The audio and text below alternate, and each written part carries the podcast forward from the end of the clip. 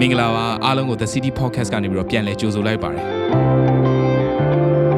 ယနေ့ weekly sermon မှာတော့ဆရာစောတီဟာဖြစ်ပါတယ်ခင်ဗျာသင်ရဲ့အသက်တာကိုကောင်းကြီးမင်္ဂလာဖြစ်စေမယ့်ဖရာသခင်ရဲ့နှုတ်ကပတ်တော်ကိုအတူတူဝခံယူကြရအောင်ခင်ဗျာ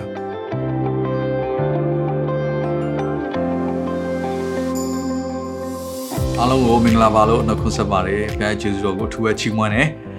ကျွန်တော်တို့ဒီနေ့ပြင်ဆင်ထားတဲ့နှုတ်ကပတ်တော်ကအဒီချိန်ကာလနဲ့အင်မတန်မှကိုက်ညီတဲ့နှုတ်ကပတ်တော်ဖြစ်တယ် ဘုရားသခင်ကလည်းနှိုးဆော်ခြင်းကျွန်တော်အထက်မှာရှိတယ်ကျွန်တော်ကဘက်ကလည်းနော်ဒီ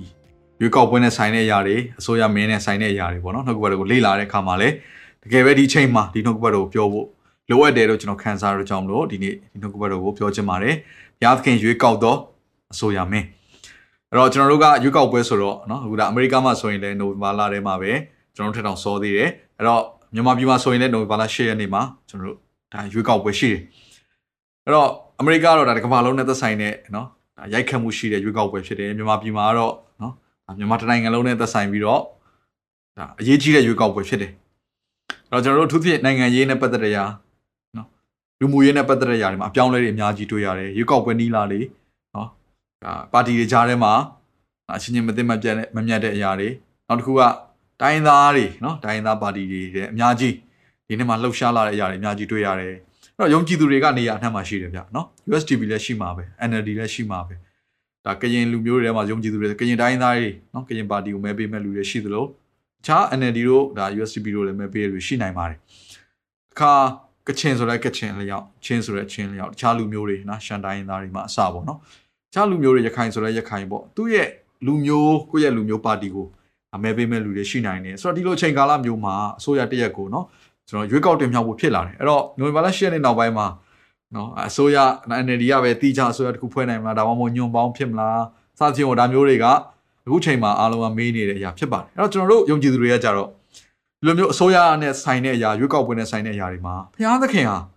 ဒီကမ္ဘာလုံးအတိုင်းအတာနဲ့စัจ java တစ်ခုလုံးကိုပိုင်သားတဲ့ဒီဘုရားကမြန်မာနိုင်ငံနဲ့ဆိုင်ပြီးတော့ကောဒီကမ္ဘာလုံးအတိုင်းအတာနဲ့ဆိုင်ပြီးတော့ကောဘုရားကဘလို့အကြံစီတွေနဲ့သွားနေတယ်ဆိုတဲ့အရာကိုကျွန်တော်တို့နော် တိတိကျကျအသေးစိတ်မသိဘူးဆိုရင်တော့မှကျန်းစာထဲမှာဖော်ပြထားတဲ့တိုင်းနိုင်ငံနဲ့ဆိုင်တဲ့အရာတွေအစိုးရမင်းနဲ့ဆိုင်တဲ့အရာတွေဒီကျမ်းပိုက်တွေအများကြီးရှိတယ်ဇလန်းတွေအများကြီးရှိအဲ့ဒါတွေကိုကျွန်တော်နားလည်လိုက်တဲ့အခါမှာအော်ဘုရားသခင်ဟာဒီလိုအလုပ်လုပ်တတ်ပါလားဆိုတဲ့အရာကိုကျွန်တော်သိသွားပြီးတော့ကျွန်တော်မှန်မှန်ကန်ကန်ဆုံးဖြတ်နိုင်မယ်နောက်တစ်ခုကဘုရားသခင်အလိုတော်နဲ့ညီတဲ့အစိုးရတရားကိုကျွန်တော်တို့ဘက်ကမျှော်လင့်ခြင်းနဲ့ဆုတောင်းခြင်းနဲ့ပြင်ဆင်နိုင်မယ်နောက်ဆုံးမှကျွန်တော်သွားပြီးတော့မဲပေးနိုင်မယ်အကယ်၍ကျွန်တော်မျှော်လင့်ထားသလိုမဖြစ်လာဘူးဆိုရင်လေ စိတ်ရကြပြီးတော့ဒါကမျှော်လင့်ချက်မဲ့တဲ့ပုံစံမဟုတ်ဘဲနဲ့ဘုရားသခင်ဘာဆက်လုပ်နေသလဲဆိုတော့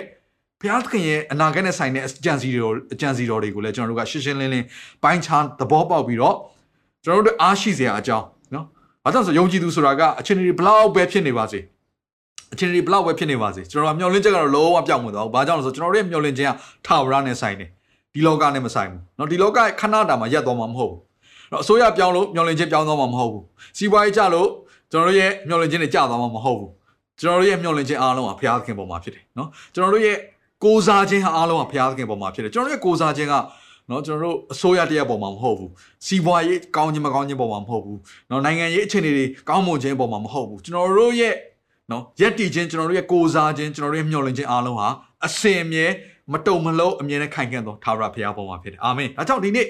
အစိုးရနဲ့သက်ဆိုင်တဲ့ဒီလိုမျိုးအချိန်ကာလရွေးကောက်ပွဲဆိုတဲ့အချိန်ကာလတခုကြော်ဖြတ်တဲ့အချိန်မှာ ဘုရားသခင်နော်ထိုဘုရားသခင်အကြံစီရပါလေဒါကိုကျွန်တော်တို့နော်အတိကနားလဲပြီးတော့အဲ့ဒီပုံမှာမတ်တက်ရဖို့ဖြစ်တယ်အာမင်ဒါဆိုရင်ကျွန်တော်တို့နှုတ်ရှာပါဇက်ကနေသူများကိုဝေဖန်တာတွေနော်သူများကိုမကောင်းပြောတဲ့အရာတွေနော်စိတ်နဲ့ကြစီမဲ့စကားတွေထွက်မလာတော့ဘူးကိုမျောလေးထားတဲ့အရာကြီးဖြစ်မလာတော့ဘူးဆိုရင်လေအဲ့အချိန်တွေထဲမှာကျေးဇူးတော်ချီးမွမ်းပြီးတော့ဘုရားရှင်ပြင်ဆင်ထားသောထို့အစိုးရအတွက်ကျွန်တော်တို့ကဆုတောင်းပေးနိုင်မယ် ဒီတက်လာတဲ့ဆိုရကိုကြချင်တဲ့ဆိုရဟုတ်ချင်မှာဟုတ်လိမ့်မယ်ကိုနှစ်သက်ပါတီကဟုတ်ချင်မှာဟုတ်လိမ့်မယ်နော်အဲ့တော့ဒီခါဒီမှာကိုရက်ကွက်မှာရှိတဲ့လူတော်ကိုကကြိုက်တာမဟုတ်ဘူးလေရက်ကွက်လူကြီးတော်ကိုကနှစ်သက်တာမဟုတ်ဘူးဒါပေမဲ့လေရက်ကွက်မှာရှိတဲ့ကိစ္စတွေမှာဒီရက်ကွက်လူကြီးရဲ့အမိတ်နော်ဒီရက်ကွက်ရဲ့အုပ်ချုပ်ရေးကိုကျွန်တော်နာခံရတာပဲလေအဲ့တော့ကိုကြိုက်တာမကြိုက်တာခဏတာဖះအချန်စီပါလေအဲ့ဒီဖះသခင်အကြံစီဖះရှင်ရဲ့ပြောတဲ့နှုတ်ကပတ်တော်ကိုကျွန်တော်ဘယ်လိုဝန်ခံမလဲအဲ့ဒါယုံကြည်သူတွေရဲ့အရေးကြီးဆုံးဖြစ်တယ်ဆိုတော့ဆရာကြီးဘီလီဂရမ်ပြောတဲ့အရာကိုကျွန်တော်အရင်သဘောကျတယ်သူကဘာပြောလဲဆိုတော့နော်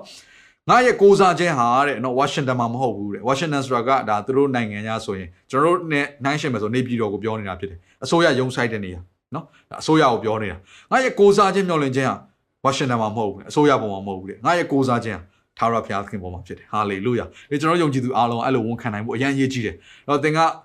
ဘယ်ပါတီပဲမဲထဲမဲထဲโอเค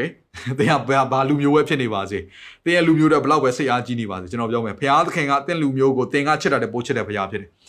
တင်ကတင်တိုင်းနိုင်ငံကိုချစ်တာတဲ့ဖရာသခင်ကပို့ပြီးချစ်တဲ့ဖရာဖြစ်တယ်အာမင်တင်မချစ်နိုင်တဲ့လူကိုတော့ဖရာကချစ်နိုင်သေးတာပဲသူ့အသက်ကိုတော့စွန့်သေးတာပဲဒါကြောင့်ကျွန်တော်ပြောမယ်ကျွန်တော်မျှော်လင့်ခြင်းအားလုံးကဖရာသခင်စီမှာရှိတယ်ဟာလေလို့ရမြန်မာပြည်မျှော်လင့်ခြင်းဟာဖရာစီမှာရှိတယ်အဲ့တော့အရင်ဆုံးကျွန်တော်နှုတ်ကပတ်တော်ဖတ်ချင်ပါတယ်ယောမအခန်းကြီး73ငွေ1ကနေခွန်ဒါဟာဖရာရွေးကောက်သောအစိုးရနဲ့ဆိုင်တဲ့မင်းနဲ့ဆိုင်တဲ့ကျွန်တော်အကောင်းဆုံးသောနှုတ်ကပတ်ကျမ်းစာဖြစ်ပါတယ်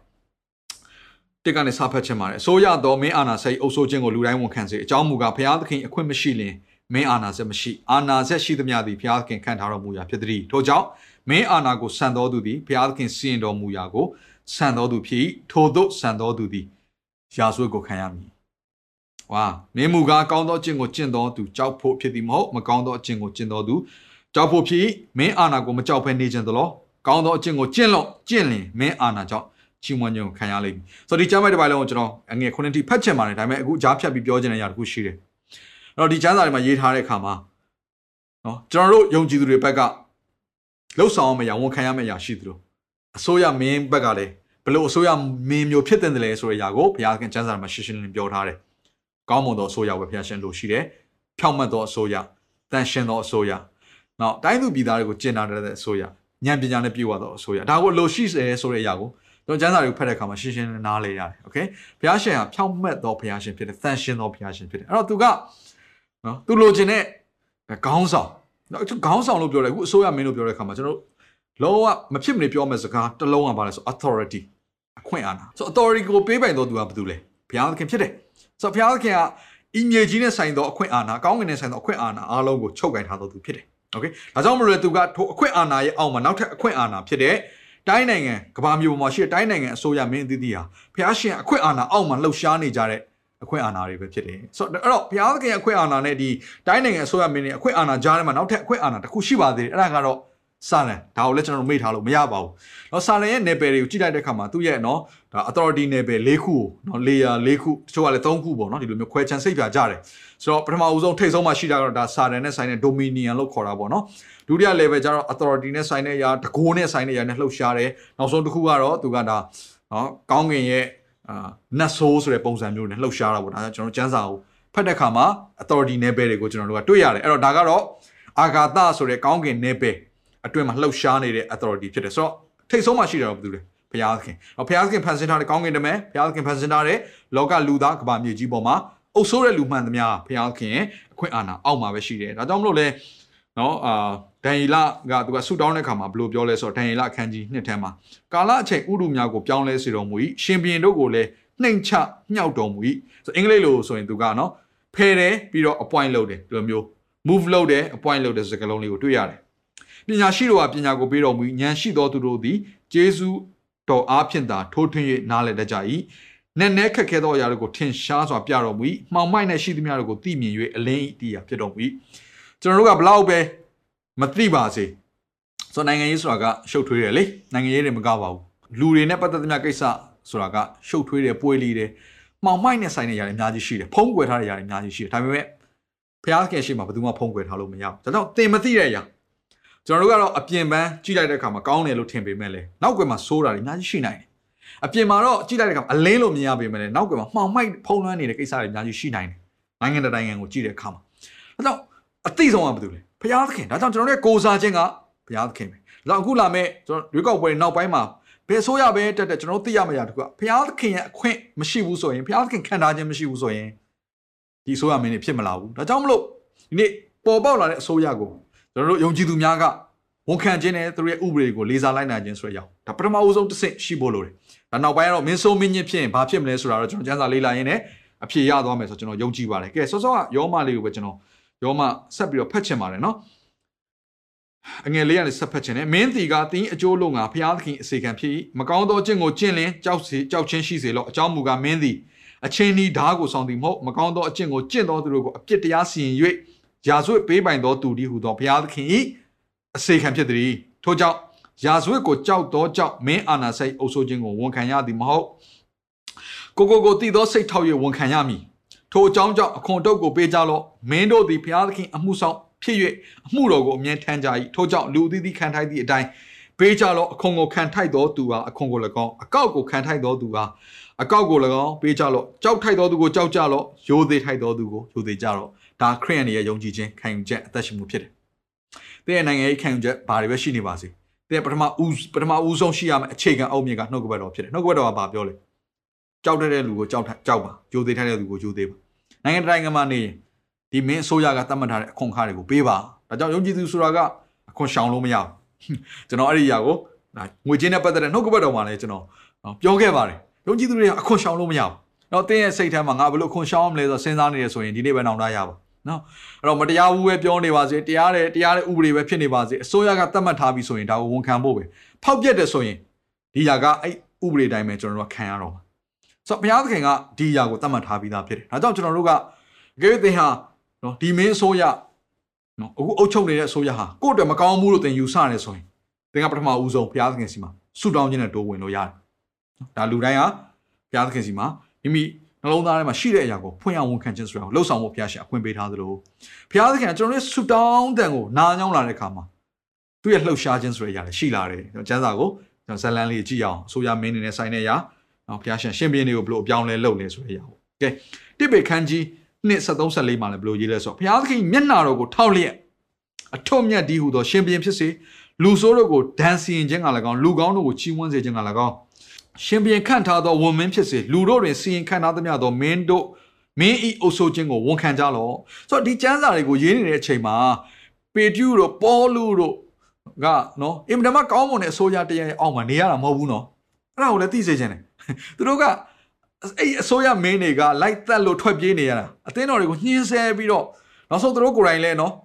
အင်ပတမဆိုးရွားတဲ့ညှဉ်းပန်းနှိပ်စက်ခြင်းတွေခေါင်းဖြတ်သက်ခြင်းတွေလက်ဝါးကားတွေပေါ်နော်တင်သက်ခြင်းတွေစီပူထဲမှာနှစ်ခြင်းတွေမီးရှို့ခြင်းတွေမျိုးစုံသောနော်လွှားနဲ့အပိုင်းပိုင်းဖြတ်ခြင်းတွေဆိုတဲ့အရာတွေအားလုံးခံပြီးတော့သူတို့တင်ရတာအခုဒါပေမဲ့သူတို့နှုတ်ကပတ်တော်တွေမှာသူတို့အဲ့ဒီပြောနေတဲ့မင်းတို့အစိုးရမင်းတွေကိုဝန်ခံပါလို့ပြောနေတဲ့အရာတွေဟာအဲ့သူတို့ကိုနှိပ်စက်နေတဲ့အစိုးရမင်းတွေအုပ်ချုပ်နေတဲ့အချိန်မှာပြောတဲ့နှုတ်ကပတ်တော်ဖြစ်တယ်။ ကြောင့်ကျွန်တော်တို့အခုချိန်မှာနော်ကျွန်တော်တို့ကအာဘလောက်ပဲဆိုးတဲ့အချိန်တွေကြုံရပါစေကျွန်တော်တို့ပေတျုတို့ပေါလုတို့တော့မဆိုးသေးဘူးလို့ကျွန်တော်ဒီလိုပဲနားလဲတယ်ရှေးဦးအသိတော်တွေကြုံရတဲ့ဒုက္ခဆင်းရဲမမိသေးပါဘူးအဲ့တော့ကျွန်တော်တို့ဇလန်းလေးကိုလေ့လာမယ်အဲ့တော့အဲ့လိုလေ့လာတဲ့အခါမှာပထမဦးဆုံးနော်ကျမ်းစာထဲမှာအင်မတန်မှအံ့ဩစရာကောင်းတဲ့ဇလန်းကဣသရေလလူမျိုးတွေကိုအဲဂုတုပြည်မှာကြုံခံစေတဲ့အကြောင်းအရာကိုအာဗြဟံကိုအာဗြဟံကိုနှစ်ပေါင်းများစွာကြိုပြောတဲ့အကြောင်းအကြောင်းအရာဖြစ်တယ်ဆိုတော့ ဣသရေလလူမျိုးဆိုတာဘယ်ကပေါ်ထွက်လာတယ်၁၂နွယ်အဲ့ဆန်နွယ်ရဲ့ဖခင်ကဘယ်သူလဲယာကုပ်ယာကုပ်ရဲ့ဖေကဘယ်သူလဲဣဇက်ဣဇက်ရဲ့ဖေကဘယ်သူလဲအာဗြဟံဆိုအာဗြဟံဣဇက်ယာကုပ်ယာကုပ်ရဲ့သားဣသရေလလူမျိုးဆန်နွယ်အဲ့ရနေပြီးတော့အခုဣသရေလတိုင်းပြည်ဂျူးလူမျိုးတွေပေါ်လာတာဆိုတော့ဣသရေလလူမျိုးရဲ့ဖခင်အာဗြဟံသားတော်မရသေးဘူးသူ့သားဣဇက်မရသေးတဲ့အချိန်မှာကပ္ပဦးကျမ်းခန်းကြီး15မှာဖခင်သခင်က brain ညင်ပြုတ်ပြီးတော့သူ့စီကိုလာပြီးတော့ သူကဒီ prophet ပြုချက်စကားကိုပြောတယ်ဘယ်လိုပြောလဲဆိုတော့သာရဘုရားကလည်းသင်အမျိုးအနွယ်သည်သူတစ်ပါးပိုင်သောပြည်၌ဧည့်သည်ဖြစ်ကြသဖြင့်သူတစ်ပါးတို့၌ကျွန်ခံခြင်းနှိပ်စက်ညှင်းဆဲခြင်းကိုအနှစ်400ပတ်လုံးခံရကြလိမ့်မည်ကိုအမှန်သိမှတ်လော့သူတို့ကိုစိတ်ခိုင်းသောလူမျိုးကိုလည်းငါစီရင်မည်ထိုနောက်မှသူတို့သည်များစွာသောဥစ္စာနှင့်ထွက်ကြလိမ့်မည်ဟာဣသရေလလူမျိုးတော့မပေါ်လာသေးဘူးဘုရားခင်ကဟိုမှာနှစ်ပေါင်း400ကျွန်ခံဖို့အေဂုတုတိုင်းပြည်ကိုသူကကြိုပြင်ဆင်ခိုင်းထားပြီဟုတ်ပြီနော်ဟို မှာအေဂုတုရှင်ဘုရင်တွေကအဆောက်အဦတွေဆောက်ကြမယ်သူတို့တိုင်းပြည်မှာလှုပ်ဆက်ရှိတာသူတို့လှုပ်ကြမယ်ရှင်ဘုရင်တွေတယောက်ပြီးတယောက်ပြောင်းပြောင်းသွားကြမယ်ဖာရောဘုရင်တွေနော်တယောက်ပြီးတယောက်ပြောင်းသွားကြမယ်အခုကျွန်တော်တို့ဒီခေတ်မှာအီဂျစ်တိုင်းပြည်ကိုသွားတဲ့အခါမှာတွေ့ရတဲ့ pyramid ကြီးတွေသူတို့စောင့်နေကြမယ်အဲ့ဒီအတွက်လိုအပ်တဲ့ခါလေ engineer ပညာရက်တွေကိုသူတို့ကတခါလေလှုပ်ဆောင်နေကြပြီဟာဒါတွေအားလုံးကြိုတင်ပြင်ဆင်နေကြပြီသူတို့သိချင်မှသိလိမ့်မယ်ဒါပေမဲ့ဖះရှင်ကနှစ်ပေါင်းယာနဲ့ချီပြီးတော့ကြိုပြီးပြင်နေဣသရေလလူမျိုးတွေအဲ့ကိုပို့ဖို့ရန်အတွက် တော့ဘုရားရှင်တစင်မီတစင်ပြင်ဆင်ရင်ကနေပြီးတော့နော်တခါယောသက်ဣသရေလလူမျိုးရဲ့နော်တခါအစပြုတ်ဖို့ဖြစ်လာတဲ့အဲ့ဒီအဲဂုတုပြည်ကိုပထမအဆုံးသွားတဲ့ယောသက်ဘာကြောင့်သွားဖြစ်တာအိမ်မက်ကြောင့်သွားဖြစ်တာမဟုတ်ဘူးလားအဲ့ဒီအိမ်မက်ကဘလို့အိမ်မက်မျိုးလဲသူဟာအဲဂုတုပြည်မှာချင်းမြောက်ချင်းခံရမယ်ကောင်းစားမယ်အကိုတွေထက်ချင်းမြောက်ချင်းခံစားရမယ်ဆိုတော့အိမ်မက်ကို သူကရတယ်အဲ့အိမ်မက်ကိုကြတော့သူအငြိမ်မနေဘဲနဲ့အကိုတွေကိုသွားပြောတယ်အဲ့သွားပြောလိုက်လို့ပဲအကိုတွေကသူ့ကိုကြုံဖြစ်ရောင်းစားပလိုက်တယ်အဲ့လိုရောင်းစားလိုက်လို့သူကဘယ်ရောက်တာလဲအဲဂုတုပြည်ကိုရောက်တာဆိုတော့အဲ့လိုမျိုး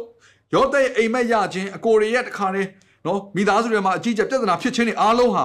ယောသက်ကအဲဂုတုပြည်ကိုအရင်ဆုံးရောက်ပြီးတော့နောက်ဆုံးမှသူတို့ရဲ့မိသားစုတစ်ခုလုံးအဲဂုတုမှာအခြေချဖို့ရန်ဖြစ်လာပြီးတော့ဘုရားသခင်ရဲ့ prophet ပြုချက်ပြည့်စုံလာမယ့်အခြေအနေတရားကိုဖန်တီးလိုက်တာဖြစ်တယ်ဒါကြောင့်မလို့ကျွန်တော်ပြောပြမယ်လေလူတစ်ယောက် ဘုရားသခင်စီကအိမ်မက်ယူပါယုံတွေရနေခြင်းဟာချို့သောအိမ်မက်ယူပါယုံတွေဟာကောင်းတဲ့ຢာတွေဖြစ်နိုင်ပါတယ်ချို့သောຢာတွေကတော့မကောင်းတဲ့အိမ်မက်တွေဖြစ်နိုင်ပါတယ်ဒါပေမဲ့အဲ့ဒီအထဲမှာပဲဘုရားရှင်ကဘာလုပ်လဲဆိုတော့သူ့ရဲ့အကြံစီကိုတီးစေတယ်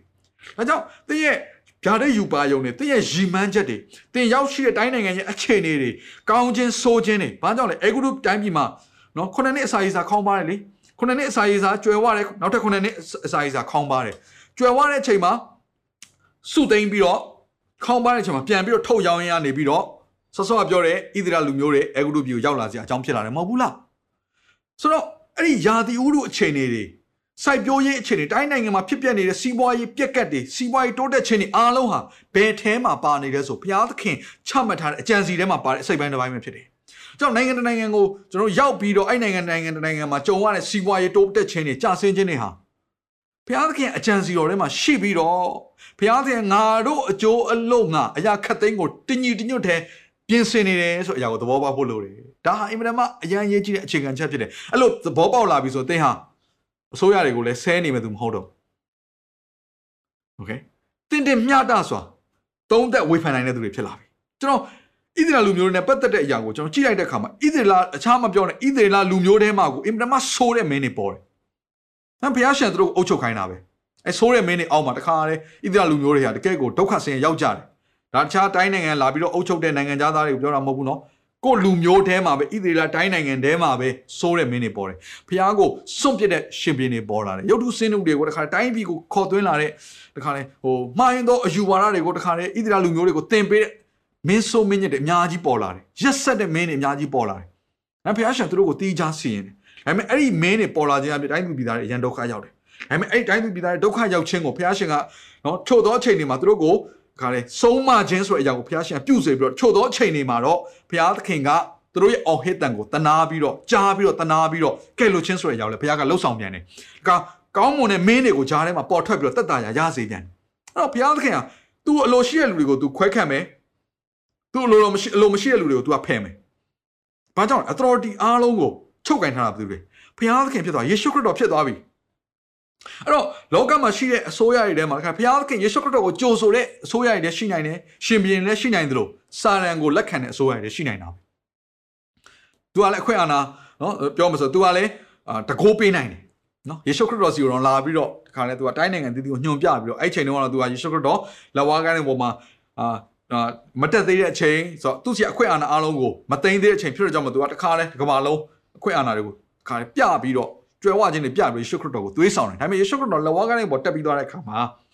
ယေရှုခရစ်တော်ကအခွင့်အာဏာအားလုံးကိုသူကပြန်လည်ပြီးတော့ရယူပြီးသားဖြစ်သွားပြီအဲ့တော့အခုစာရန်ကနော်သူ့မှာရှိတဲ့တကိုးသူလုတ်လုတ်နိုင်တဲ့အတိုင်းတာသူရှိတဲ့နယ်ပယ်ထဲမှာသူရှိတဲ့ authority ထဲမှာသူကလူတွေကိုသွေးဆောင်တယ်လူတွေကိုသူအခွင့်အရေးတွေပေးပြီးတော့သူရဲ့ bed တော်သားတွေအဖြစ်သူကအခွဲခံထားရဆိုတဲ့အရာကိုကျွန်တော်တို့သိရတယ်။ Okay အဲ့တော့ကျွန်တော်တို့ အသက်ရှင်တဲ့အချိန်ကာလအခုအချိန်ကာလအတော်တွင်းမှာပဲဘုရားသခင်ကိုလက်ခံတဲ့လူတွေရှိတယ်ဘုရားသခင်ကိုညှင်းပယ်တဲ့လူတွေရှိတယ်။ဘုရားသခင်ရဲ့ bed တော်သားတွေလို့ပြောတဲ့ယုံကြည်သူတွေတန်ရှင်သောဝိညာဉ်တော်နဲ့ပြည့်ဝတဲ့လူတွေရှိတယ်လို့နတ်ဆိုးတကိုးနဲ့ပြည့်ဝပြီးအလုံးလုံးနေတဲ့နတ်ဝိဇ္ဇာအတက်ကိုတက်ပြီးတော့လှုပ်ဆောင်သူမြောက်များစွာလို့ကျွန်တော်တွေ့ရတယ်။ဒါတွေအားလုံးအထက်မှာဘသူစိုးစံနေလဲ။ဘုရားသခင်စိုးစံနေတယ်။ဘုရားသခင်အားလုံးကိုသတိနဲ့ကြည့်ရှုနေတယ်။ဟောသင်ကစိတ်ပြတ်ဖို့မဟုတ်ဘူး။ချင်းရီစိုးသွားလဲစိတ်ပြတ်ဖို့မဟုတ်ဘူး။ the whole picture လို့ခေါ်တဲ့ဘုရားသခင်စီစဉ်ထားတဲ့အကြံစီကိုကောင်းမွန်စွာ သဘောပေါက်ဖို့လိုတယ်အဲ့တော့ဒီဒါဒီတစ်ခုတည်းနဲ့မဟုတ်ဘူးနောက်ထပ်တစ်ခုပြောချင်တာဒန်ယေလခက်မှာဆိုတော့ဒန်ယေလခက်ကိုရောက်လာတဲ့အခါမှာဒန်ယေလကနော်ဒါအားလုံးသိပါတယ်နော်ဒီရှင်ဘရင်နော်သူကတခါအမှုတော်ဆောင်နေတဲ့အချိန်မှာသူကရှင်ဘရင်ဒါရန်သူရှင်ဘရင်ပေါ့နော်သူတို့ကိုတားပြီးတော့တိမ့်ပိုက်ထားတဲ့ရှင်ဘရင်နေဘုခနေစာနဲ့နောက်ပိုင်းမင်းအဆက်ဆက်ကိုသူရောက်လာတဲ့အခါမှာအဲ့တော့အဲ့ဒီမှာနော်အိမ်မက်တစ်ခုကဘာမဲ့လဲဆိုတော့နော်ရုပ်တုကြီးတစ်ခုကိုအိမ်မက်မြင်မဲ့အဲ့ရုပ်တုက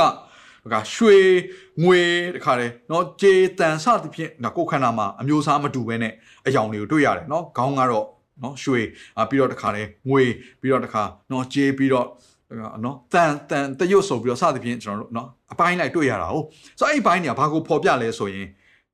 သူ့ရဲ့တိုင်းနိုင်ငံတွေကိုဖော်ပြနေတာဖြစ်တယ်နော် ဘာဘူးလုံ empire ဘာဘူးလုံ empire ပြီးရင် Persia empire Persia empire ပြီးရတဲ့တခါလေ Greek empire Greek empire ပြီးရတဲ့တခါ Romance empire အဲ့ဒါပြီးရတဲ့ဘယ်သူပေါ်လာလဲအဲ့ Romance empire ရဲ့နောက်ဆုံးအချိန်မှာပဲယေရှုခရစ်တော်ပေါ်လာပြီးတော့အဲ့ရုပ်ထုဒီအိမ်မက်ကိုမက်တဲ့အချိန်မှာအဲ့ရုပ်ထုကြီးကိုတခါလေနော်ဟိုးတောင်ပေါ်ကလိမ့်လာတဲ့ကြောက်တုံးလေးတစ်လုံးကထိခိုက်ပြီးတော့တခါလေအဲ့ရုပ်ထုကြီးကလုံးဝနော်ပျက်စီးသွားတယ်ဆိုတဲ့အရာကိုမြင်တွေ့ရတယ်ဆိုတော့ဘလောက်ပဲ empire ကြီးမားတဲ့ empire တိုင်းနိုင်ငံကြီးတွေပေါ်ထွန်းပါစေနောက်ဆုံးမှာယေရှုခရစ်တော်အဖြစ်ပေါ်ထွန်းမဲ့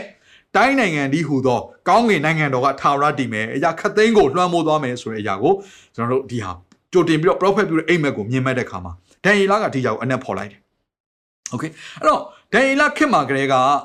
ဘာကိုသဘောပေါက်နေပြီလဲဆိုအနာဂတ်မှာပေါ်လာမဲ့တိုင်းနိုင်ငံတွေကိုကြိုတင်ပြီးတော့ဘုရားရှင်ကစီမံခန့်ခွဲနေပြီဆိုတော့သဘောပေါက်ဆိုတော့ဒါနဲ့ဆက်ဆက်ပြီးတော့နော်ယေရှုခရစ်တော်ရဲ့မွေးဖွားလာခြင်းနဲ့ပတ်သက်ပြီးတော့ဘုရားခင်စီစဉ်တဲ့ຢာတွေကိုကျွန်တော်ခဏလောက်ကြည့်အောင် အဲ့ဒါကကျွန်တော်တို့စိတ်လှုပ်ရှားစရာဖြစ်တယ်ပြီးတော့ဘုရားခင်ကနော်အစိုးရမင်းတွေတောင်မှသူတို့မသိဘဲနဲ့ဘုရားရဲ့အကြံစီတော်ထဲမှာသူတို့ကဝင်ပြီးတော့ပါပြီးတော့ဘုရားရဲ့အကြံစီပြည့်မြောက်ဖို့ရန်အမှုဆောင်နေရတယ်ဆိုတဲ့အရာကိုပေါ်လွင်ထင်ရှားစေတဲ့အရာလေးဖြစ်တယ်အဲ့ဒါက Romance Empire နော် Romance Empire ဒါယောမ Empire ဆိုတာကအင်ပတာမကြီးကျယ်တဲ့ Empire တစ်ခုဖြစ်တယ်ဆိုတော့ယောမ Empire မတိုင်ခင်မှာဘာရှိဆို Greek Empire ရှိတယ်ဆိုတော့ Greek Empire ရဲ့အဓိကအားသာချက်ကဘာလဲဆိုတော့အခုချိန်ထိနော်ကျွန်တော်တို့ဒီလောကမှာသုံးနေတဲ့အခုချိန်ထိတိုင်းနိုင်ငံတွေမှာသုံးနေတဲ့ democracy ဆိုတာဘယ်ကလာလဲ Greek Empire ကလာတာเนาะအဲ့တော့ Greek Empire မှာတကယ့်ကိုအတွေးခေါ်ပညာရှင်တွေအများကြီးပေါ်တယ်ဒါပေမဲ့အဲ့ဒီမှာအကြီးမားဆုံးတော့ဒါเนาะအင်တာမအောင်မြင်တဲ့စစ်သေးရဲ့တယောက်ပေါ်လာတယ် Alexander the Great ဆိုတဲ့เนาะဒါအားလုံးသိပါလိမ့်မယ်နော်မဟာ Alexander ဆိုပြီးကျွန်တော်တို့ဘာသာပြန်ကြတာပေါ့မြန်မာလိုတော့ so Alexander the Great ကဒါတကယ့်နော်အောင်မြင်တဲ့စစ်ဗိုလ်ချုပ်တယောက်နေသူက Greek Empire ကြီးကိုတီထောင်တယ်ဒါပေမဲ့သူက Greek Empire ရဲ့အားသာချက်ကအဓိကပါဆိုအတွေးခေါ်ဖြစ်တယ်ဆိုတော့ Alexander the Great ကိုယ်တိုင်က နော်အတွေးခေါ်ပညာရှင်ဒါ Greek Greek အတွေးခေါ်ပညာရှင် Aristotle ရဲ့ဒါတပည့်တစ်ယောက်လည်းဖြစ်တာဟုတ်ဆိုတော့အဲ့တော့အဲ့ဒီကနေပေါ်ထွက်လာတဲ့အဲ့ဒီ democracy ဆိုတဲ့ niche နစ်ကိုဘယ်သူတွေကစပြီးတော့သုံးဖို့ပြင်ဆင်ဆိုတော့ Roman Empire ကစပြီးတော့သုံးဖို့ပြင်ဆင်တယ်ဆိုတော့ Roman Empire မှာသူတို့ဘာနဲ့အုပ်ချုပ်လဲဆိုတော့လွှတ်တော်နဲ့အုပ်ချုပ်တယ် okay ဆိုတော့အဲ့လွှတ်တော်နဲ့အုပ်ချုပ်တော့အဲ့ဒီလွှတ်တော်မှာပထမဦးဆုံးနော်အဲလွှတ်တော်နဲ့အတူတိုင်ပင်ပြီးတော့လှုပ်ဆောင်တဲ့နော်စစ်ဗိုလ်ချုပ်နှစ်ယောက်ရှိတယ်နော်စစ်ဗိုလ်ချုပ်နှစ်ယောက်စစ်ဗိုလ်ချုပ်နှစ်ယောက်ကနေပြီးတော့နောက်ဆုံးမှာနော်အာ ပြောရမယ်ဆိုရင်အဲ့စစ်ဗိုလ်ချုပ်နှစ်ယောက်နဲ့နောက်အပြင်နောက်ထပ်တစ်ယောက်ထပ်ပြီးတော့တိုးလာတာပေါ့နော်စစ်သားတာမန်စစ်သားဘဝကနေပြီးတော့တိုက်ပွဲတွေတိုက်ပြီးတော့တခါတည်းအာနာရလာပြီးတော့လူတွေတိလာတဲ့နောက်ထပ်စစ်သားတစ်ယောက်ရှိတယ်သူ့နာမည်ကဘယ်လိုခေါ်လဲဆိုတော့ Julius Caesar လို့ခေါ်တယ်ကျမ်းစာထဲမှာနော် Julius Caesar ကြောင့်ကျွန်တော်ဘာကြောင့်ပြောလဲဆိုကျမ်းစာထဲမှာသူ့ရဲ့နော်သူ့ရဲ့ဒီ Caesar ဆိုတဲ့နာမည်ကိုပြန်ပြီးတော့သုံးပြီးတော့နော် ပြောထားတဲ့ကျမ်းစာတွေရှိတဲ့ကြောင့်မလို့ကဲသာဘရင်ဆိုတာဒါ Caesar ကိုပြောတာဖြစ်တယ်။ဟို Caesar ဆိုတာကတော့ Julius Caesar ကနေပြီးတော့ဆွဲပြီးတော့ယူလိုက်ပြီးတော့နောက်ပိုင်းမှာ Romans Empire မှာရှိတဲ့နော် Acre အားလုံးကိုသူကဘယ်လိုပဲသတ်မှတ်လဲဆိုတော့ကဲသာဘရင်ကဲသာဘရင်နော် Caesar Caesar လို့ပဲသတ်မှတ်တယ်။ Caesar လို့ပြောတာ ਨੇ ဒါ Romans Empire ကြီးတစ်ခုလုံးအုပ်ချုပ်တဲ့ Acre မင်းဆိုတာတန်းသိတယ်။ဒါပေမဲ့အစပြုတ်ကြတာသူ Acre နဲ့စတာမဟုတ်လွှတ်တော်နဲ့စတာ။ကလွှတ်တော်ကနေပြီးတော့ဆော့ဆော့ပြောတဲ့စစ်သားစစ်ဗိုလ်ချုပ်2ယောက်ပြီးတော့ Julius Caesar ဆို3ယောက်ဖြစ်သွားတယ်။အဲ့ဒါကို triumvirate လို့ခေါ်တယ်နော်ဒါအတိတ်ပဲအင်္ဂလိပ်လိုအတိတ်ပဲနဲ့ဆိုတော့ republic လို့ခေါ်တာပေါ့နော်ဒီ၃ယောက်ကသူတို့တိုင်ပင်ပြီးတော့လှုပ်ဆောင်ရင်းကနေနောက်ဆုံးမှနော်အတူတုံးပြောရမယ်ဆိုသူတို့တွေအာနာတွေတယောက်တယောက်ဒါအာနာတွေလူရင်းကနေပြီးတော့နောက်ဆုံးဘယ်သူပဲကြံခဲ့လဲဆိုတော့စီဇာပဲကြံခဲ့တယ်စီဇာကဒါပထမဦးဆုံးသော Acre ဖြစ်လာဖို့ရန်သူကစပြီးတော့ပြင်ဆင်လိုက်တာပေါ့အဲ့တော့သူကနေစလိုက်တာနော်နောက်ထပ်တယောက်ဘယ်သူလဲဆိုတော့နော် Augustus ဆိုရဲဒါ Acre မင်းစပြီးတော့ပေါ်လာတယ်အဲ့တော့ကျွန်တော်တို့တမိုင်းကိုကျွန်တော်လေ့လာလိုက်တဲ့အခါမှာ ယောမအင်ပါယာကိုအစပြုတာဘယ်သူလဲလို့ပြောရင်သူကနော်ပထမဆုံးအစပြုခဲ့တယ်ဆိုရင်ရှင်ဘရင်အေဂရစ်နာမည်ကိုယင်ရှင်ဘရင်အော်ဂတ်စတက်လို့စပြီးတော့ရေးတယ်အဲ့တော့ကျမ်းစာကိုကျွန်တော်ဖတ်လိုက်တဲ့အခါမှာအဲ့ဒီရှင်ဘရင်အော်ဂတ်စတက်ရဲ့နာမည်ကိုတွေ့ရတယ်အဲ့တော့ကျွန်တော်နော်ဘာကြောင့်ဒီ Romance Empire အကြောင်းကိုကျွန်တော်အခုရှင်းပြနေလဲဆိုတော့ကျမ်းစာထဲမှာပါတဲ့အတွက်ကြောင့်မလို့ဖြစ်တယ်ကျမ်းစာထဲမှာပါတဲ့ယေရှုခရစ်တော်မွေးဖွားခြင်းနဲ့ဆိုင်တဲ့အရာနဲ့ဆက်ဆက်တဲ့ကြောင့်မလို့ကျွန်တော်ဒီຢာကိုပြောတာဖြစ်ပါတယ်ကဲကျွန်တော်ဖတ်ချင်ပါတယ်လူကခန်းကြီးနှစ်အငယ်နော် တစ်ကနေစဖတ်ခြင်းနဲ့နော်တစ်3 5ကိုကျွန်တော်ဖတ်ခြင်းနဲ့ထိုအခါတနိုင်ငံလုံးကိုစည်ရင်ယူစေခြင်းကကဲတာဘရင်အောဂုတုသည် အမိန်တော်ရှိအငယ်သုံးမှာလူအပေါင်းတို့သည်စည်ရင်ဝင်ခြင်းကအတီးတီမိမိတို့မြို့ရွာသို့သွားကြ၏ယောသတ်သည်လည်းဒါဝိဒ်အမျိုးနွယ်ဖြစ်၍ထိမ်းများဆောင်နှင်းသောမယားမာရိနှင့်အတူစည်ရင်ဝင်ခြင်းကဂါလိလဲပြည်နာဇရက်မြို့မှယူဒပြည်တွင်ဗက်လင်မြို့ရှိသောဒါဝိဒ်၏မြို့သို့သွား၏ထိုအခါမာရိသည်ဗရိတ်တွေအရင်မှရှိ ယေရှုခရစ်တော်ဘက်လင်မြို့မှာမွေးဖွားမယ်ဆိုတဲ့အရာကမိခါခန်းကြီး9မှာနော်။အိုဘက်လင်အေဖရမ်မြို့အစိုးရသောယူဒမြို့တွင်တင်သည်မြို့ငယ်မြို့ရိုးဖြစ်တော်လေ။ဣသေလအမျိုးကိုအုပ်ဆိုးရသောသခင်သည်ငါအဖို့တင်ဤအထဲမှာပေါ်ထွန်းလက်တဲ့ထိုသခင်သည်ရှေးကပ်ကဘာမှစာ၍ပေါ်ထွန်းသောသခင်ဖြစ်၏။ဆိုတော့ဘက်လင်မြို့မှာမွေးမယ်ဆိုတဲ့အကြောင်းအရာကိုကြိုတင်ပြီးတော့ prophet ပြုချက်ရှိပြီးသားဖြစ်တယ်။ဆိုတော့ ဒါအံ့ဩစရာပဲเนาะဒါကယေရှုခရစ်တော်နဲ့ပတ်သက်တဲ့ prophet ပြုချက်တွေဆိုတာကနှစ်ရာနဲ့ချီ ထောင်နဲ့ချီပြောမှဆိုမောရှေခေတ်ကလေးကနောက်ဆုံးကဘာဦးခေတ်ကလေးကကဘာဦးကျမ်းမာကလေးကတခါတည်းဖြစ်ပျက်တဲ့အဖြစ်ပျက်တွေကယေရှုခရစ်တော်မေရှိယရှင်မွေးဖွားလာမယ့်အရာကိုကြိုပြီးပြောနေတယ်ဆိုတော့ဘယ်မှာမွေးမလဲဆိုတဲ့အရာကိုမိခါဒီနော်မိခါထဲမှာကြတော့သူကဘက်လင်မြို့မှာနော်ဘက်လင်မြို့မှာမွေးဖွားလာမယ်ဆိုတဲ့အရာရှိတယ်ဆိုတော့အခုသူတို့တကယ်တော့နော်အာမာရီကဗမာနေလဲနော်မာရီနဲ့မင်္ဂလာဆောင်မဲ့ယောသက်ကဗမာနေလဲဆိုရင်နာဇရက်မြို့မှာနေတယ်ဒါကြောင့်မလို့ကျွန်တော်နောက်ပိုင်းမှာနာဇရက်မြို့သားယေရှုသူတို့နေတဲ့မြို့ဖြစ်တယ်ဒါပေမဲ့ မွေးတဲ့အချိန်လေးမှာဗမာသွားမွေးတာလေဘက်လင်မြို့မှာသွားမွေးတာဆိုတော့ဘက်လင်မြို့ကိုဘာကြောင့်သွားရတာလဲစောစောကျွန်တော်စမ်းစာဖတ်ခဲ့တယ်ကဲတာဘရင်ဘာလို့လဲ Augustus ဒါအင်္ဂလိပ်လိုဆို Augustus ဒါပေမဲ့ဒီကျန်းကျွန်တော်တို့ကျန်းစာထဲမှာじゃဘယ်လိုရေးလဲဆိုတော့ Augustus တဲ့နော်ကျွန်တော်တို့ဒါ calendar ထဲမှာဆိုရင် August လဆိုတာဒါဒီ Augustus ကိုအဓိကယူထားတာဖြစ်တယ်နော် ဆိုတော့ဒီကျွန်တော်တို့အခုသုံးနေတဲ့ calendar ဟာဒါ Roman Empire မှာเนาะကျွန်တော်ပြင်ခဲ့ကြသေးတယ်เนาะ July လတွေ August လတွေစသဖြင့် calendar ကိုအများကြီးအပြောင်းအလဲလုပ်ခဲ့ကြတဲ့ရှင်ဘုရင်တွေပေါ့เนาะ Agrid မင်းတွေပေါ့ဆိုတော့ဒီ Agrid မင်းကဲတာဘုရင်ဒီ Agrid မင်းဖြစ်တဲ့ဘုရင်เนาะ Augustus August ကအမိတ်ရှိတယ်ဘာအမိတ်ရှိလဲတကောင်စင်းကောက်ဖို့အဲ့တော့သူတို့ရဲ့ Roman Empire ကနော်အဲ့ဒီအချိန်ကာလတုန်းက ဒါယူဒပြည်အစ္စရေးတိုင်းနိုင်ငံနော်အရှေ့အလယ်ပိုင်းမှာလာပြီးတော့သူတို့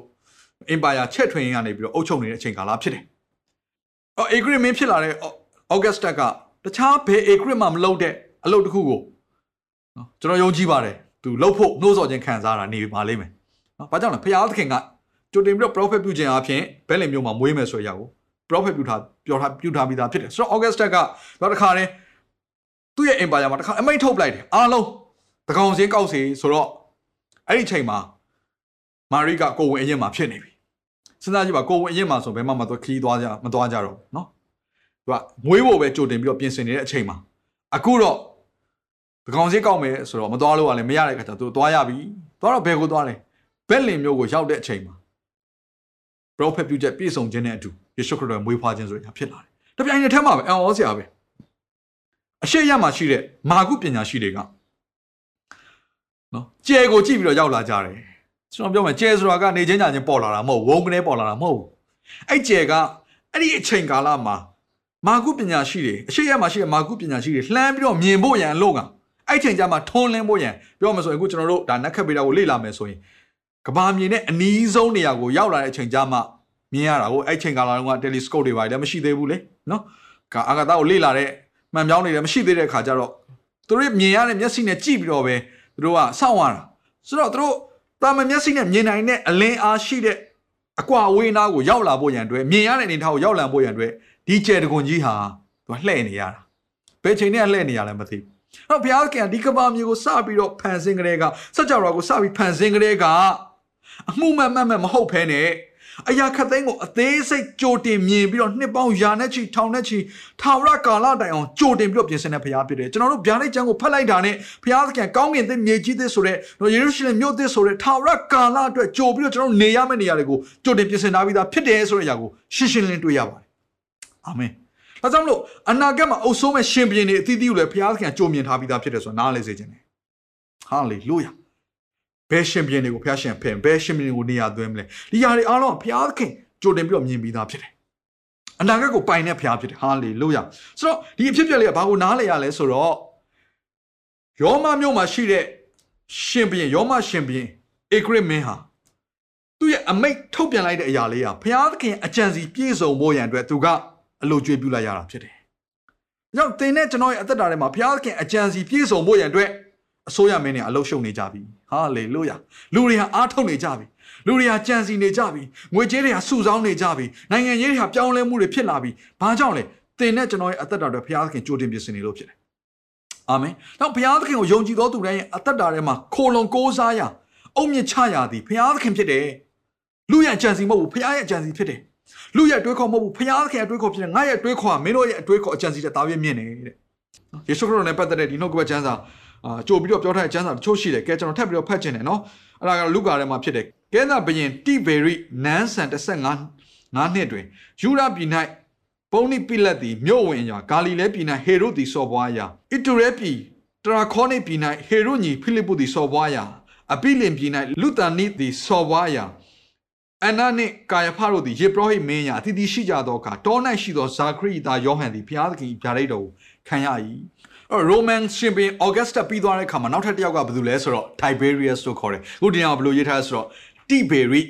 ကဲသာဘရင် Tiberi လို့ရေးတယ်အဲ့တော့ Tiberi နန်းဆန်15နှစ်ကိုရောက်တဲ့အခါမှာဘယ်သူတွေနေရာကျလဲဆိုတော့ယူဒာပြည်မှာပြလန်မင်းနေရာကျတယ်မြို့ဝင်နေတယ်တခါ Herod တခါနောက်တစ်ခုကနော်တခါနော်အာယေရှုခရစ်တော်ကိုကားနိုင်ပေါ်တင်ဖို့ရန်အတွက်နော်တခါတည်း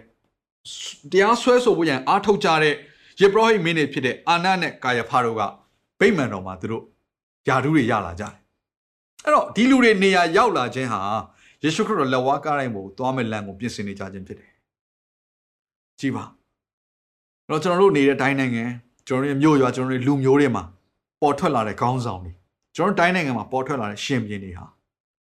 ဘုရားသခင်သူ့ရဲ့အကြံစီတိုင်းနိုင်ငံဒီကမ္ဘာမြေကြီးပေါ်မှာနောက်ဆုံးသောအချိန်ကာလမှာသူလုံးမဲ့အမှုအရာတွေပြည့်စုံဖို့ရတဲ့ပြင်ဆင်နေတာဖြစ်တယ်။အဲကြောင့်ကျွန်တော်တို့ဘာမှစိတ်တကြစရာအကြောင်းမရှိဘူး။ကျွန်တော်တို့လုပ်ရမယ့်လောက်ကနိုင်ငံသားတယောက်ရဲ့တာဝန်ပါတယ်။ အဲ့ဒါကိုလှုပ်ဆောင်မှုပဲဖြစ်တယ်။ကျွန်တော်ရွေးချယ်တဲ့ကျွန်တော်ဖြစ်ချင်တဲ့အစိုးရတရားမပေါ်လာဘူးဆိုရင်လေစိတ်တကြစရာမလိုဘူး။ဘာကြောင့်လဲ။ဘုရားသခင်အကြံစီကပြည့်စည်မသွားဘူး။ဘုရားသခင်နှုတ်ကပတ်တော်ကရွေ့မသွားဘူး။ဘုရားသခင်နောက်ဆုံးသောကာလမှာဖြစ်ဖို့ရန်ပြင်ဆင်ထားသောကောင်းကြီးမလားသုံးလောင်းဖို့ရန်သူပြင်ဆင်ထားတဲ့အရာကျမ်းစာတစ်ချက်ကဘာပြောလဲ။နောင်မိုးရွာမယ်ဟာလေလုယာ။နော်အရင်မိုးထွက်နောင်မိုးရွာမဲ့ကာလ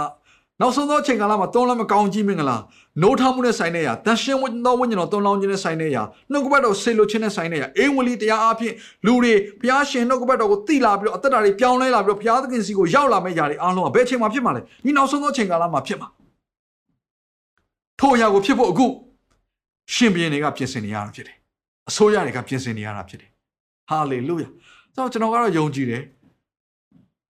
ဦးနိုဝင်ဘာလကြော်ပြီးနောက်ပိုင်းမှာဖြစ်လာမယ့်အစိုးရဘု ရားသခင်ပြင်ဆင်မယ့်အစိုးရတရားဖြစ်မယ်လို့ကျွန်တော်ယုံကြည်တယ်။ဒါပေမဲ့ကျွန်တော်တို့ကဘာအခွင့်အရေးရှိလဲ။ဘုရားသခင်ကျွန်တော်တို့ယုံကြည်သူဘာအခွင့်အရေးပေးထားလဲ။နှုတ်ကပတ်တော်ကိုနားလည်နိုင်တဲ့အခွင့်အရေးပေးထားတယ်။ဘာကိုနားလည်နိုင်တာလဲ။ဘလို့အစိုးရတရက်ကိုရွေးကောက်ရမလဲဆိုရင်ဘုရားကကျွန်တော်ကိုလမ်းညွှန်ပေးထားတယ်။ဘုရားကဘာပြောလဲငါဟာမင်းတို့ရဲ့ရှင်ဘုရင်ဖြစ်တယ်တဲ့ဣသရေလလူမျိုးတွေဣသရေလလူမျိုးမဟုတ်ဘူးတဲ့ကျွန်တော်လိုချင်တဲ့ရှင်ဘုရင်ကိုပေးပါဆိုတော့သူတို့ရွေးလိုက်တာရှော့လူမင်းအဲရှောလူမင်းကဖះကိုမကြောက်ဘူး။နောက်ဖះသခင်က ရှမွေလကိုသူကဆစ်လွတ်ပြီးတော့ကဲသွားပါနော်ဒါဝိတ်ကိုဗိတ်သိက်ပါဆိုတဲ့နော်ဗိတ်သိက်ချင်းဆိုတဲ့အရာတခုကိုလှုပ်ဆောင်ပြီးတော့ဖះသခင်ကသူအလိုရှိတဲ့အစိုးရမင်းကိုရွေးကောက်ဖို့ရန်ဖြစ်လာတယ်။အဲ့တော့ဒါဝိတ်နဲ့အတူရက်လိုက်တဲ့စစ်သားတွေဒါဝိတ်ရဲ့နောက်ကိုလိုက်သွားတဲ့သူတွေအားလုံးဟာအကြီးချင်းတွေအများကြီးမရှိကြပါဘူးအကျွေးတင်တော်သူမရေရာတော်သူစိတ်သက်ကြတော်သူတွေအကြီးချင်းမရှိတဲ့လူတွေတော်တော်များများကဒါဝိတ်နဲ့ပါသွားပြီမဲ့ဒါဝိရဲ့တစ်ဖက်မှာမတ်တက်ရက်လိုက်တဲ့စစ်တရေတွေ ရှင်ဘရင်ကိုယ်တိုင်ဖြစ်တဲ့ရှောလူမင်းတွေအားလုံးဟာပျက်စီးဆုံးရှုံးခြင်းကိုရောက်သွားတယ်။နောက်ကျွန်တော်တို့နောက်တစ်ချက်သိရမယ့်အရာတစ်ခုကဘာလဲဆိုတော့ဘယ်အစိုးရမင်းကိုဖျားရှင်ကောင်းကြီးပေးနေလဲ။ဘယ်အစိုးရမင်းကိုဖျားရှင်ကအလိုတော်ရှိပြီးတော့ခန့်ထားတယ်။အဲ့ဒါအရင်ရေးကြည့်တယ်။ကိုဖြစ်ချင်တာတွေကိုအတင်းကြီးကိုဖြစ်ချင်တဲ့အရာတွေကိုတွန်းနေဖို့မဟုတ်ဘဲနဲ့နော်ဘာကြောင့်လဲဣသရေလလူမျိုးတွေကသူတို့ဖြစ်ချင်တဲ့အရာကိုတွန်းတဲ့အခါမှာဖျားရှင်ကနော်သူဖျားရှင်ပြောတဲ့အရာကတော်တော်လေး အာအာစိတ်မကောင်းစရာဖြစ်တယ်ကျွန်တော်တို့အတွက်သင်ခန်းစာယူစရာဖြစ်တယ်အဲ့ဒါလေးကိုကျွန်တော်တို့ကြည့်အောင်နော်အဲ့တော့ဟောရှေခန်းကြီးရှစ်ငယ်လေးမှာဘယ်လိုရေးလဲဆိုတော့သူတို့ဒီငါကြီးအခွင့်မရှိပဲကိုအလိုလျောက်ရှင်ဘရင်ကိုမြှောက်ကြပြီးငါမသိရပဲမင်းတို့ကိုခန့်ထားကြပြီးကိုအကျိုးနည်းစေခြင်းကကိုရွှေငွေနဲ့ကိုအဖို့ရုပ်တုများလောက်ကြပြီဒါကဟောရှေမှာမှာပြောတာအဲ့ဒါမတိုင်ခင်တော့ဣသရေလလူမျိုးတွေဘာလုပ်လဲထာဝရဘုရားကလည်းတင့်အားလူများတို့ပြောဆိုသမျှသောစကားကိုနားထောင်လို့သူတို့သည်တင့်ကိုသာမပယ် ငါသည်သူတို့ကိုမဟုတ်ဆိုးစေခြင်းကငါကိုလည်းပယ်ကြပြီဓမ္မရာဆိုပထမဆောင်ခန်းကြီး၈မှာပြောပြီးငယ်9မှာနော်ဘုရားခင်ကိုယ်တိုင်ကဟေးရှမွေလာရေးတဲ့မင်းမပြောနဲ့ငါကိုယ်တော်ပယ်ကြတာတဲ့ဘာပြောလဲအငယ်၁၈မှာတင်တို့ရွေးယူသောရှင်ပြန်ကြောင့်ထိုနေ့၌တင်တို့အော်ဟစ်တော်လဲထာဝရဘုရားသည်နားထောင်တော်မမူဟုသတိပေးလေ၏တခါဒီမှာဘုရားရှင်ဘာခွင့်ပြုတတ်လဲဆိုတော့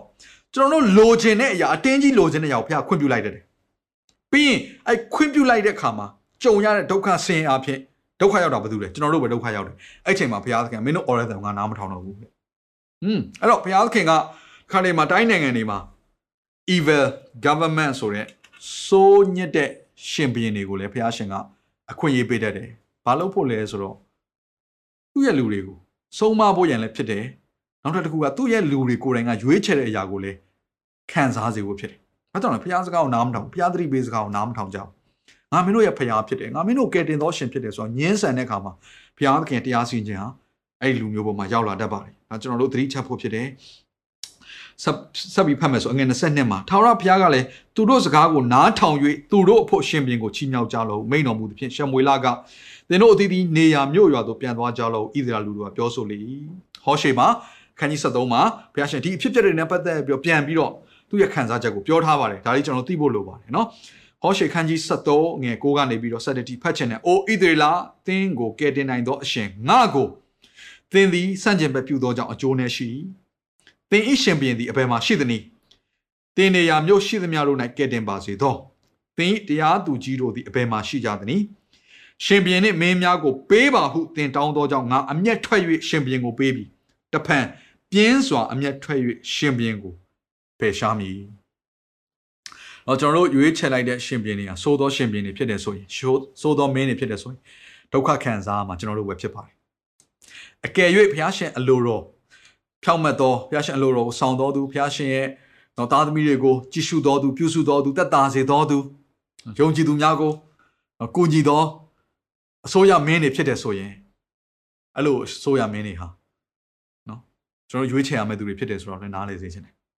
အာမင်အဲ့တော့ အရင်ဆုံးကဘာလဲဆိုလူမျိုးရေးကအရင်မလားနိုင်ငံရေးလည်းအရင်မလားဘုရားသခင်အကြံစီအရင်ဆုံးလာတယ်ဘုရားသခင်အလိုတော်ကအရင်ဆုံးလာတယ်ဘုရားသခင်အလိုတော်ရှိသောအစိုးရမင်းဟာဘယ်လိုမျိုးဖြစ်ရမလဲဘယ်လိုရည်ချင်းနဲ့ပြည့်စုံရမလဲဖတ်ခဲ့ပြီးပါပြီလူဆိုးတွေကိုကြောက်စေတဲ့အစိုးရမင်းမျိုးနော်ဖြောင့်မတ်ခြင်းတန်ရှင်းခြင်းနဲ့ပြည့်စုံတဲ့အစိုးရမင်းမျိုးဘုရားသခင်ရဲ့လူတွေကိုတနာခြင်းဂရုဏာနဲ့ထွေးပွေသောအစိုးရမျိုးအာဒီလိုအစိုးရမျိုး အဲ့ဒါဘုရားသခင်နော်ကျွန်တော်တို့ကိုရွေးချယ်နိုင်တဲ့အခွင့်အရေးဘုရားရှင်ပေးထားတယ်မှန်တယ်သူ့ကိုညင်းပယ်တယ်ဒါပေမဲ့ဘုရားရှင်အလိုတော်ကိုဆောင်တဲ့အစိုးရမင်းကိုကျွန်တော်တို့အခုချိန်မှာရွေးလို့ရသေးတယ်ဒါကိုသဘောပေါက်ဖို့လိုပါတယ်အဲ့တော့ဘုရားသခင်ကတစ်ဖက်မှာဘာရှိတယ်လဲဆိုတော့နော်ကဲဆိုးတဲ့ဆိုးရဲ့အစိုးရမင်းတွေပေါ်လာပြီဆိုပါစို့ဒီအစိုးရမင်းတွေကကဲဆိုပါစို့ယုံကြည်သူခရိယန်တွေကိုညှင်းဆဲမယ်ဟိုးရှက်ကတော့ဣသရေလလူမျိုးတွေကိုညှင်းဆဲမယ်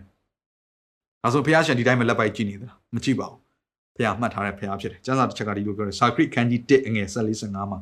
ငါနှင့်ပြောဆိုသောကောင်းကင်တမန်ကလည်းကောင်းကင်ဘုရားရှင်ထာဝရဘုရား၏အမိန့်တော်ကိုဆင့်ဆို၍ကြွေးကြော်ရမည်မှာငါသည်ယေရုရှလင်မြို့နှင့်ဇီးအုံတောင်အဖို့အလွန်ကျင်နာသောစိတ်အားကြီးငြိမ်ဝတ်စွာနေသောတပါးအမျိုးသားတို့ကိုအလွန်အမျက်ထွက်၏အကြောင်းမူကားငါသည်ယေရုရှလင်မြို့ကိုအနှဲငယ်အမျက်ထွက်သောအခါသူတို့သည်ဝိုင်း၍ညှင်းဆဲကြပြီမြန်မာစကားမှာကျွန်တော်ရှိကြလေစွန်ကြီးဝိုင်းလောင်းနေဆိုရရတော့တစ်ခါဒီမှာဘလို့ဖြစ်တယ်လဲဆိုတော့မြေနေရလှန်ဆိုင်တတ်တယ်လူတွေကလေ ဆိုတော့ခရိယန်တွေကိုမကြိုက်တဲ့ဘုရားရဲ့သားသမီးတွေကိုမနှစ်သက်တဲ့အစိုးရမင်းတွေပေါ်လာပြီဆိုဟာတခါလေညှင်းဆဲမယ်နှိပ်စက်မယ်တားဆီးမယ်အမျိုးမျိုးအခက်ခဲတွေ့အောင်လုပ်မယ်ဆိုရင်ကျန်းစာဘာပြောလဲဆိုတော့ငါမှတ်ထားတယ်တဲ့နော်ကျန်းစာဘယ်လိုရေးလဲသိလားငါဟာတဲ့ငါရဲ့လူတွေကိုငါအပြစ်ပေးဖို့ဆုံးမဖို့ငါအနှဲငယ်လေးအမျက်ထွက်လိုက်ပြီးတော့နော်စိုးတဲ့မင်းတွေပဲဖြစ်ဖြစ်ပေါ့သူတို့ရွေးချယ်တဲ့မင်းတွေကိုပဲဖြစ်ငါအခွင့်အရေးပေးလိုက်တဲ့အချိန်မှာတဲ့ဘေးနားမှာရှိတဲ့ရန်သူတွေကလာပြီးတော့အဲ့အခွင့်အရေးကိုယူပြီးလာပြီးတော့ညှင်းဆဲကြတဲ့အကြောင်းမလို့ငါအယမ်းအမျက်ထွက်တယ် ငါအယမ်းစိတ်ဆိုးတယ်အဲ့တော့ဘုရားရှင်ဘာဖြစ်လဲသူ့လူမျိုးတွေကိုဒုက္ခရောက်တဲ့ချိန်မှာလာပြီးတော့ပို့ပြီးဒုက္ခရောက်အောင်ညှင်းဆဲသောသူတွေကိုပြန်ပြီးတော့တရားစီရင်တော်ဘုရားဖြစ်တယ်လူမျိုးလိုက်တိုင်းနိုင်ငံလိုက်တရားစီရင်တာအင်မတန်မှကြောက်ဖို့ကောင်းတယ်ဒါကြောင့်ဘုရားရှင်ဘာပြောလဲစံစာတစ်ချက်မှာအာဗြဟံကိုလည်းကောင်းကြီးပေးတဲ့အခါမှာသင်ကိုကောင်းကြီးပေးသောသူကကောင်းကြီးပေးမယ်အဲတော့ကျွန်တော်တို့ကအခုဣသရေလတိုင်းနိုင်ငံကိုဘာကြောင့်ဆူတောင်းပေးနေတာလဲ ခရိယန်တွေက။ဘာကြောင့်ဣသရေလတိုင်းနိုင်ငံကိုကောင်းကြီးပေးသောအစိုးရတွေကိုကျွန်တော်ကပေါ်ထွက်စေချင်တာလဲ။အခုအမေရိကန်မှာဆိုရဲခရိယန်တွေကနော် Trump ကိုကြိုက်လုံးလို့လည်းမဟုတ်ပါဘူး။နော်။သူ့ရဲ့ character သူ့ရဲ့ personality ကိုလူတွေကအဲ့လောက်ကြီးခရိယန်တွေမကြိုက်ကြဘူး။ဒါပေမဲ့သူတို့ကဘာကိုဘာကိုတော့ဘာကိုကြိုက်ကြတာလဲဆိုတော့ဖျားခင်ရဲ့လူမျိုးဖြစ်တဲ့ဣသရေလလူမျိုးနော်နောက်တစ်ခုကယုံကြည်သူခရိယန်တွေနော်ဒီຢာတွေကိုနှုတ်ကပတ်တော်နဲ့အညီပံ့ပိုးပြီးတော့နှုတ်ကပတ်တော်နဲ့အညီကောင်းကြီးပေးပြီးတော့ နော်ပြုစုပေးတဲ့အတွက်ကြောင့်မလို့ဒါ Trump ကိုခရီးယန်တွေကဝိုင်းပြီးတော့ထောက်ခံမှုအကြောင်းဖြစ်လာကြတယ်ဒါပေမဲ့ Trump ကိုလုံးဝမကြိုက်ဖ ೇನೆ personally ရပါမကြိုက်ဖ ೇನೆ နောက်တစ်ခါလဲကိုယ့်ရဲ့နိုင်ငံရေးခံယူချက်ကြောင့်မုန်းပြီးတော့မဲမထည့်လူတွေယုံကြည်သူတွေအများကြီးရှိကြပါတယ်โอเคအဲ့အဲ့ထက်မှာတကက် theologian တွေလည်းအများကြီးပါကြပါတယ်ဒါပေမဲ့ကျွန်တော်ကတော့နှုတ်ဝက်ကျမ်းစာရှင်းတယ်ဝိညာဉ်ရေးကပထမပဲကျွန်တော်ပြန်ပြောခြင်းတယ်ဝိညာဉ်ရေးကပထမဖြစ်တယ်နိုင်ငံရေးကပထမမဟုတ်ဘူးလူမျိုးရေးကပထမမဟုတ် ဝိညာဉ်ရေးကပထမဖြစ်တယ်ဘုရားသခင်အကြံစီကဦးစားပေးရမယ့်ရဖြစ်တယ်ဆိုတော့ဘုရားသခင်နှလုံးသားထဲမှာပါရှိတယ်ဣသရေလလူမျိုးတွေကောင်းကြီးပေးဖို့ယုံကြည်သူတွေကိုပြုစုဖို့ရန်အတွက် ဖြောင့်မတ်ခြင်းဆိုတဲ့အရာတန်ရှင်းခြင်းကိုပြုစုတဲ့အစိုးရမင်းတွေကိုဘုရားရှင်ကပေါ်ထွက်စေခြင်းပါတယ်ဒါကြောင့်ကျွန်တော်တို့ကမြန်မာပြည်မှာအဲ့လိုအစိုးရမင်းဟာဘလို့ဘယ်ဟာများဖြစ်မလဲဘယ်သူများဖြစ်မလဲဆိုကျွန်တော်တို့ကရှာဖွေပြီးတော့ဒါကိုကျွန်တော်တို့ကမဲပေးရတာဖြစ်ပါတယ်โอเคဒါဟာเนาะကျွန်တော်ကနှုတ်ကပတ်တော်ရပြောတာဖြစ်တယ်တင်ကိုယ်တိုင်ကဆုံးဖြတ်ဖို့ဖြစ်ပါတယ်။ဒါကျွန်တော်တို့ ဒီကျမ်းစာလေးကိုကျွန်တော်ဖတ်ချင်တယ်နော်။ဇာခရိခန်းကြီး30ငယ်တက်မှာနောင်မိုးရွာရာကာလတွင်မိုးရွာစေမိကြောင့်ထာဝရဘုရားထံ၌ဆုတောင်းကြလော့။ထာဝရဘုရားသည်လျှက်စစ်ကိုပြင်ဆင်၍များစွာမိုးရွာသဖြင့်ခတ်သိမ်းသောလူတို့ဖို့လေပြင်း၌အပင်ပေါက်စေတော်မူမည်။နောက်ထပ်ကျမိုင်းတစ်ပိုင်းဆက်ဖတ်ခြင်းနဲ့ထိုးကြောင့်ညီကိုတို့ဘုရားသခင်ကြွလာတော်မူသည့်တိုင်အောင်သီးခံလျက်စောင့်နေကြလော့အကယ်၍လေလုတ်တော်သူသည်အရင်မိုးနောက်မိုးကိုရသည့်တိုင်အောင်အဖိုးထိုက်သောမြေအသီးကိုသီးခံလျက်စောင့်နေ၍မျောလင့်တဲ့ဤယာကုပ်ခန်းကြီး9 ငယ်9နဲ့10မှာဖြစ်ပါတယ်သင်တို့သည်လည်းသီးခံလျက်စောင့်နေကြလော့ကိုယ်စိတ်နှလုံးကိုမြဲမြံစေကြလော့သခင်ဖျားကြွလာတော်မူသောအချိန်ရောက်လူနေပြီခုနောက်ဆုံးသောအချိန်ကာလမှာကျွန်တော်စောင့်ရမယ့်ရာကဖျားသခင်ပြုမဲ့မှုကဘာလဲအဲ့ဒါကိုစောင့်ရမှာโอเคအဲ့တော့အစိုးရမင်းတွေတက်လာပါလိမ့်မယ်ကျွန်တော်စောင့်နေတဲ့အစိုးရလေးဟုတ်ချင်မှဟုတ်လိမ့်မယ်ကိုမျော်လင့်တဲ့အစိုးရကမင်းကအာဏာရတာဟုတ်ချင်မှဟုတ်လိမ့်မယ်ဒါပေမဲ့ကျွန်တော်တို့မျော်လင့်ခြင်းကပါလဲဘုရားသခင်ဖြစ်တယ်ဘုရားသခင်နောက်ဆုံးအချိန်ကာလမှာဘာလုပ်မလဲ ကဲကိုမျော်လင့်ထားတဲ့လူမဟုတ်ဘူးကိုမျော်လင့်ထားတဲ့အစိုးရလည်းမဟုတ်ဘူးကိုမျော်လင့်မထားတဲ့ပါတီကမဲရသွားတယ်ကျွန်တော်ဘာလုပ်မလဲအဲ့ဒီအစိုးရအစ်စ်ပေါ်လာတဲ့အချိန်မှာဘုရားဘာလုပ်မလဲအဲ့ဒါကိုရှာဖွေရမှာအဲ့ဒါကိုမျော်လင့်ရမှာအဲ့ဒီထက်မှာကောင်းကြီးရှိလိမ့်မယ်အဲ့ဒီထက်မှာအခွင့်အရေးတွေရှိလိမ့်မယ်အဲ့ဒီထက်မှာဘုရားသခင်ပြုမဲ့အမှုတွေကိုသင်မြင်ရလိမ့်မယ်အာမင်နောက်ကျွန်တော်တို့လူတော်များများကနော်နိုင်ငံရေးတစ်ခုကိုချင့်ကပ်တဲ့ခါမှာနော်ဟိုနိုင်ငံတစ်ခုမှာအစိုးရတစ်ရပ်ကိုချင့်ကပ်တဲ့ခါမှာနိုင်ငံရေးအမြင်လူမှုရေးတွေအဲဒါလူမျိုးရေးအမြင်နဲ့ဦးစားပေးပြီးချင့်ကပ်တယ်ကျွန်တော်ပြောမယ် ကျွန်တော်ကတော့သင်ဦးဆရာတောင်းနဲ့အားလုံးကိုသတိပေးခြင်းပါတယ်အသိပေးခြင်းပါတယ်နှုတ်ကပတ်တော်ထဲမှာဖော်ပြထားတဲ့အရာကဘုရားသခင်အကြံစီဘုရားရှင်အလိုတော်ကိုဦးစားပေးဖို့ဖြစ်တယ်ကျွန်တော်တို့မျှော်လင့်ခြင်းကျွန်တော်ကိုးစားမယ့်ရာအစိုးရမဟုတ်ဒီလောကမဟုတ်ဒီလောကရဲ့အစိုးရမဟုတ်ဘူးဘုရားသခင်ဖြစ်တယ်အာမင်ဟာလေလုယာဒါကြောင့်ဘုရားသခင်ပြန်ကြွလာမယ့်နေ့ရက်ကိုစောင့်မျှော်ပြီးတော့တဲ့နော်နော်အရင်မိုးနောင်မိုးလဲလုံသောသူသည်အရင်မိုးနောင်မိုးကိုရသည့်တိုင်အောင်အဖိုးထိုက်သောမြေအသီးကိုသီးခံလျက်စောင့်နေ၍မျှော်လင့်တတ်၏ ဘုရားသခင်သွန်လောင်းမဲ့အရာကိုပဲမျှော်လင့်ပြီးတော့စောင့်ပြီးတော့ကျွန်တော်တက်တာကိုပြင်ဆင်ဖို့ဖြစ်တယ်ဆိုတဲ့အရာလေးကိုကျွန်တော်ခွန်အားပေးခြင်းပါတယ်အဲ့တော့ကျွန်တော်ပြန်ပြီးတော့အားလုံးကိုအနည်းချုပ်ခြင်းနဲ့နော်ကျွန်တော်ရှင်းရှင်းလင်းလင်းဖြစ်သွားအောင်ပထမတစ်ချက်ဘယ်အစိုးရမဆိုဘုရားသခင်အခွင့်မရှိရင်အာဏာမရပါဘူးโอเคအဲ့တော့ဘုရားသခင်ကအဲ့လိုမျိုးအစိုးရတွေကိုအခွင့်ပေးလိုက်တဲ့ခါမှာကောင်းမွန်တဲ့အစိုးရလည်းရှိလာတယ်ဆိုးတဲ့အစိုးရတွေလည်းเนาะပေါ်လာတတ်ပါတယ်အဲ့တော့ဆိုးတဲ့အစိုးရပေါ်လာပြီဆိုရင်ဘာခံစားမလဲစိုးညစ်ခြင်းတွေဖြစ်လာမယ်တိုင်းပြည်မှာ ဆုတ်ယုတ်ခြင်းတွေဖြစ်လာမယ်နော်ဒူးဆိုင်တွေထူပြောလာမယ်ဒါဆိုရင်တိုက်သူပြည်သားပြည်သားတွေဝမ်းနေရမယ်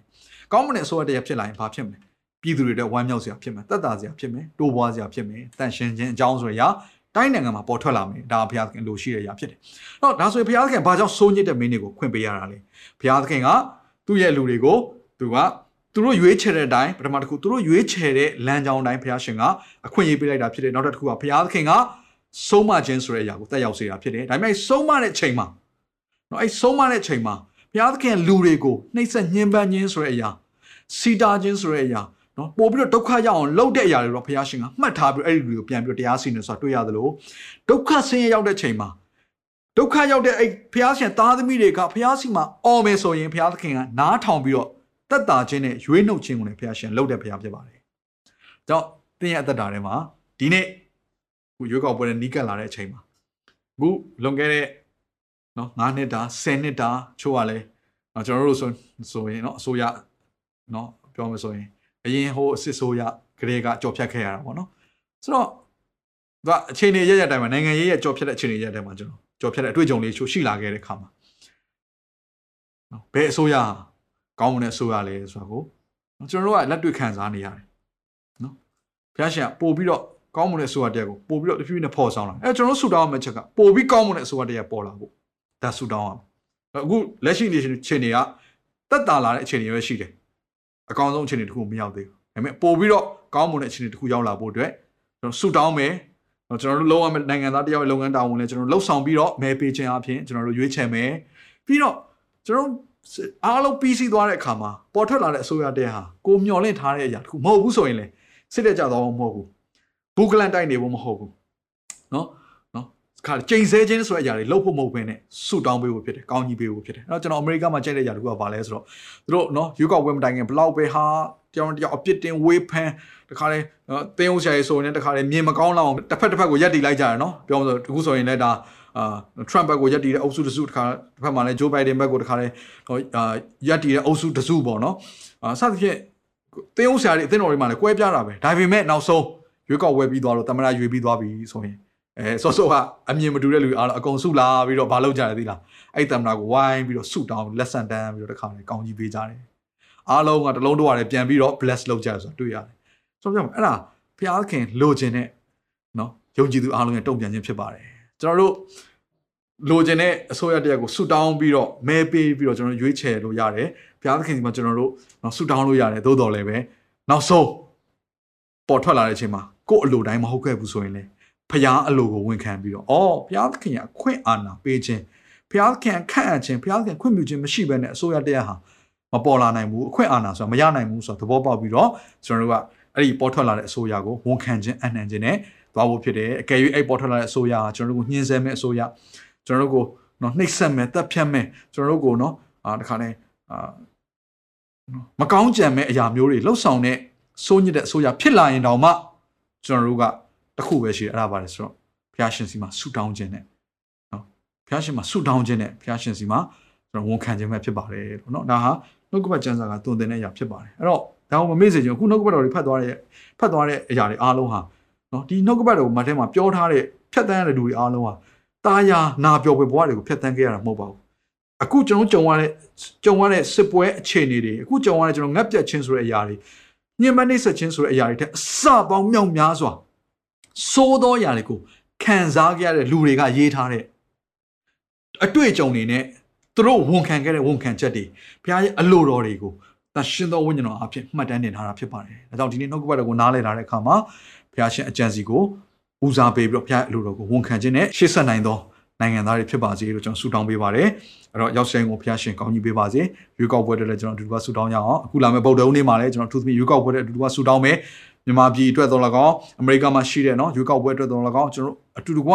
အားရပါရဆုတောင်းရအောင်။ကျမ်းမာခြင်းတက်တက်မဟုတ်တော့ဘူး။အခုလာမယ့်ဗုဒ္ဓဦးနေ့မှာကျွန်တော်တို့တိုင်းနိုင်ငံအစိုးရမင်းအတွက်အဓိကထားပြီးတော့ရွေးကောက်ပွဲတွေအတွက်ဆုတောင်းမှာဖြစ်တယ်ဒါကြောင့်မလို့ဗုဒ္ဓဦးနေ့ခရစ်နိုင်မှာလည်းသင်နဲ့အတူဆုံတွေ့ပြီးတော့ကျွန်တော်တို့တူတူကဆုတောင်းခြင်းပါတယ်အရောက်တိုင်းကိုဖျာရှင်ကောင်းကြီးပေးပါစေ။